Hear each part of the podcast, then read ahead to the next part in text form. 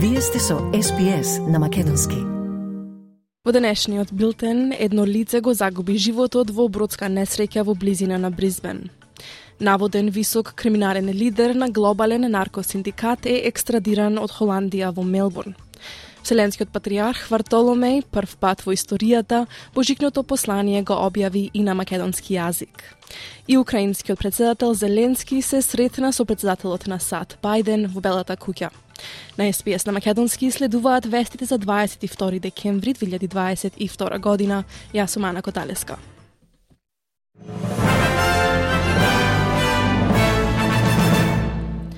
Еден човек загина откако брод се превртел во заливот Мортен во близина на брегот на Бризбен.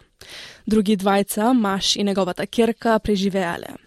Тројката била на риболов во близина на Кливленд, кога во нивниот брод почнала да навлегува вода. Таткото и керката наводно се држеле за ладилник за да останат на површина пред да испливаат до брегот. Коалицијата ја пофали посетата на Пени Вонг на Пекинг, односно првите билатерални разговори по речиси 4 години, во обид да се поправат влошените дипломатски односи на Австралија со Кина. Лидерот на Националната партија, Дейвид Литлпрауд, исто така ја бранеше позицијата на коалицијата во однос на Кина, велики за Канал 9 дека нивниот пристап бил соодветен за околностите во тоа време. Тој вели дека најдобриот начин за решавање на какви било проблеми е преку диалог и добро е што сенаторката Вонг ги започнува овие разговори.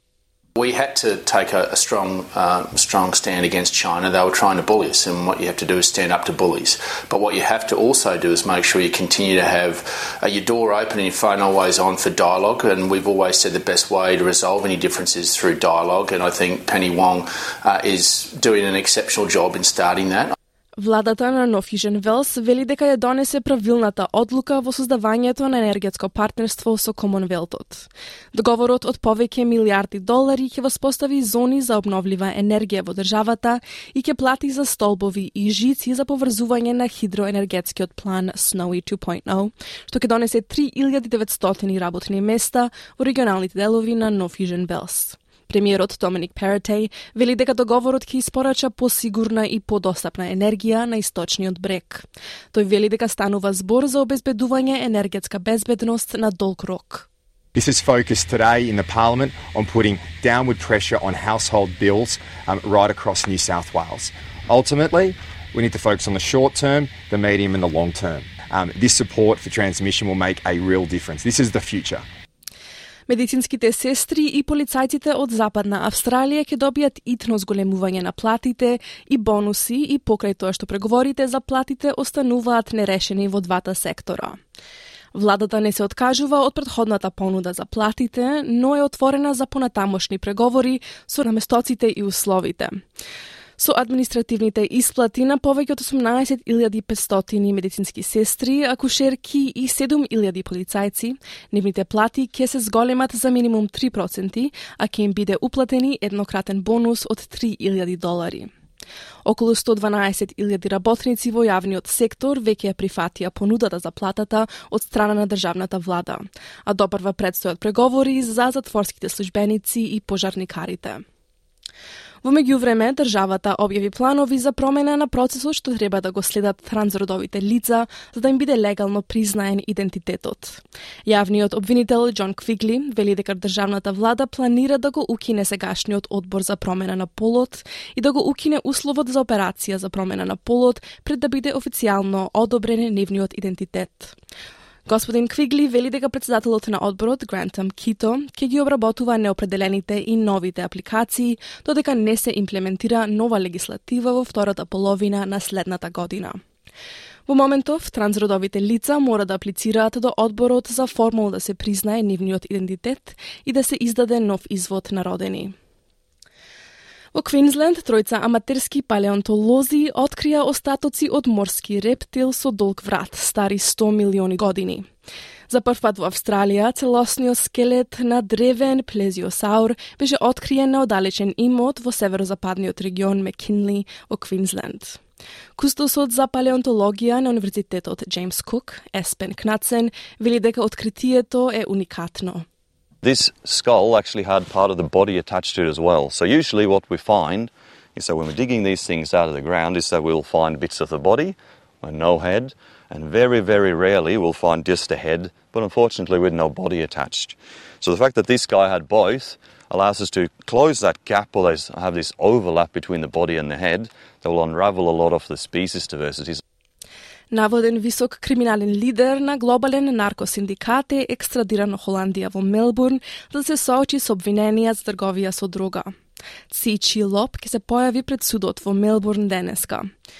Австралиската федерална полиција тврди дека 59 годишниот канадски државјанин имал клучна илога во меѓународниот заговор за трговија со 20 килограми метамфетамин помеѓу 2012 и 2013 година, со улична вредност од 4,4 милиони долари.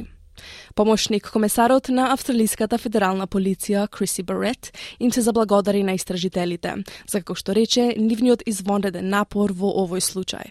This investigation is another example of the AFP being doggedly determined to ensuring Australia is a hostile environment for organised crime. And it is testament to years of commitment, patience, resilience, and tenacity from a very impressive group of investigators over many years, and I thank them for their outstanding effort. Забележана е промена на предбожикното трошење, при што 55 од 100 од австралиците почнуваат да купуваат подароци еден или два месеци однапред. Извештај на Универзитетот Монаш покажа дека австралиските купувачи трошат околу 379 долари на божикни подароци за нивното блиско семејство. 47% од купувачите планирале да купуваат подароци на веб страниците на компании кои имаат и физички продавници, додека 37% планирале да купуваат од трговците на мало кои имаат продавници исклучиво на интернет. Извршниот генерален директор на Australia Post, Gary Starr, изјави за SPS дека трендот на купување преку интернет бил нормализиран од пандемијата со COVID-19. Тој вели дека во ноември повеќе од 6 милиони домакинства We've seen massive cyber sales, and we can see that they're here to stay now. In November, uh, we saw record online purchases with over 6 million households ordering online throughout the month. And much of that growth was due to the Black Friday, Cyber Monday sales period. And we saw purchases up nearly 7% over that period. So you know, the, the impact of inflation does seem to be hitting now. And consumers are being really discerning eh, about what they're buying and taking advantage of those big sales. Вселенскиот патриарх Вартоломеј во годишното Божино послание до православните христијани во светот, првпат во историјата го објави и на македонски јазик. И со тоа што на православните христијани во Македонија, Христовото раѓање им го честите на мајчиниот јазик. Во посланието до православните христијани во светот, тој нагласи дека придонесот на религиите кон мирот и помирувањето представува првенствен критериум за нивната доверливост. На 12 јуни годинава во соборниот храм на Вселенската патриаршија, патриархот Вартоломеј и архиепископот Стефан одржаа заедничка богослужба, а поглаварот на МПЦОА, господин господин Стефан, литургијата ја водеше на македонски јазик.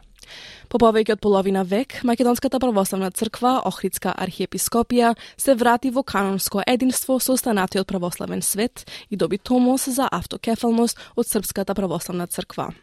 Соединетите американски држави соопштија дека ќе обезбедат повеќе војна помош за Украина, што вклучува батерија за противвоздушна одбрана наречена Патриот.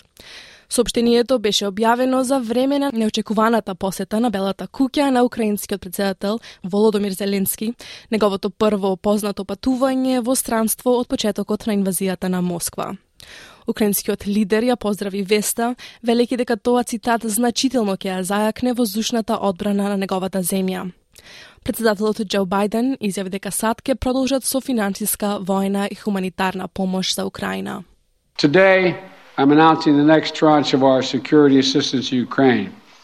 $1.85 billion package of security assistance that includes both direct transfers of equipment to that Ukraine needs, as well as contracts to supply ammunition Ukraine will need in the months ahead for its artillery, its tanks, and its rocket launchers. Советот за безбедност на Обединетите нации без противење гласа да ја проложи мировната мисија во Демократската република Конго и покрај загриженост за нивното присуство во Гома. Министерот за надворешни работи Кристоф Лутундула е меѓу членовите на владата на Конго кој побара силите да бидат повлечени. Во текот на летото се одржаа и смртоносни протести поради тековното присуство на мировните сили во земјата. Джорджес Јалала, кој живее во Гома, вели дека луѓето се вознемирени, бидејќи вооружените групи кои се наоѓаат во источниот дел на земјата не ги штитат луѓето. I don't see how MONUSCO can have another mandate when it hasn't done anything. It's been 22 years, there's no protection. In Rutshuru, people die while MONUSCO is there to protect civilians.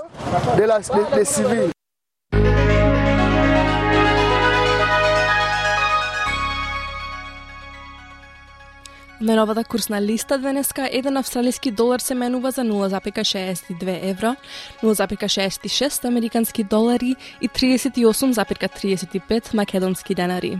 Додека еден американски долар се менува за 57,49 македонски денари, а едно евро за 61,03 македонски денари. И на кратко временската прогноза за главните градови за утре, петок, 23 декември.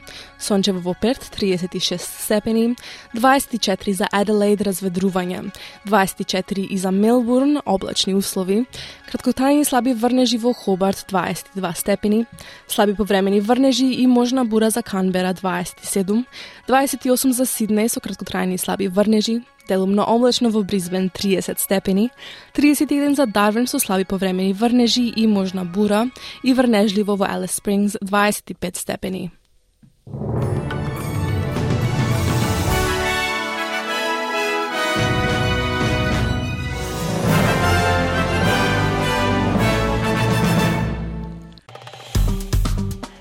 Стиснете, ми се допаѓа, споделете, коментирајте.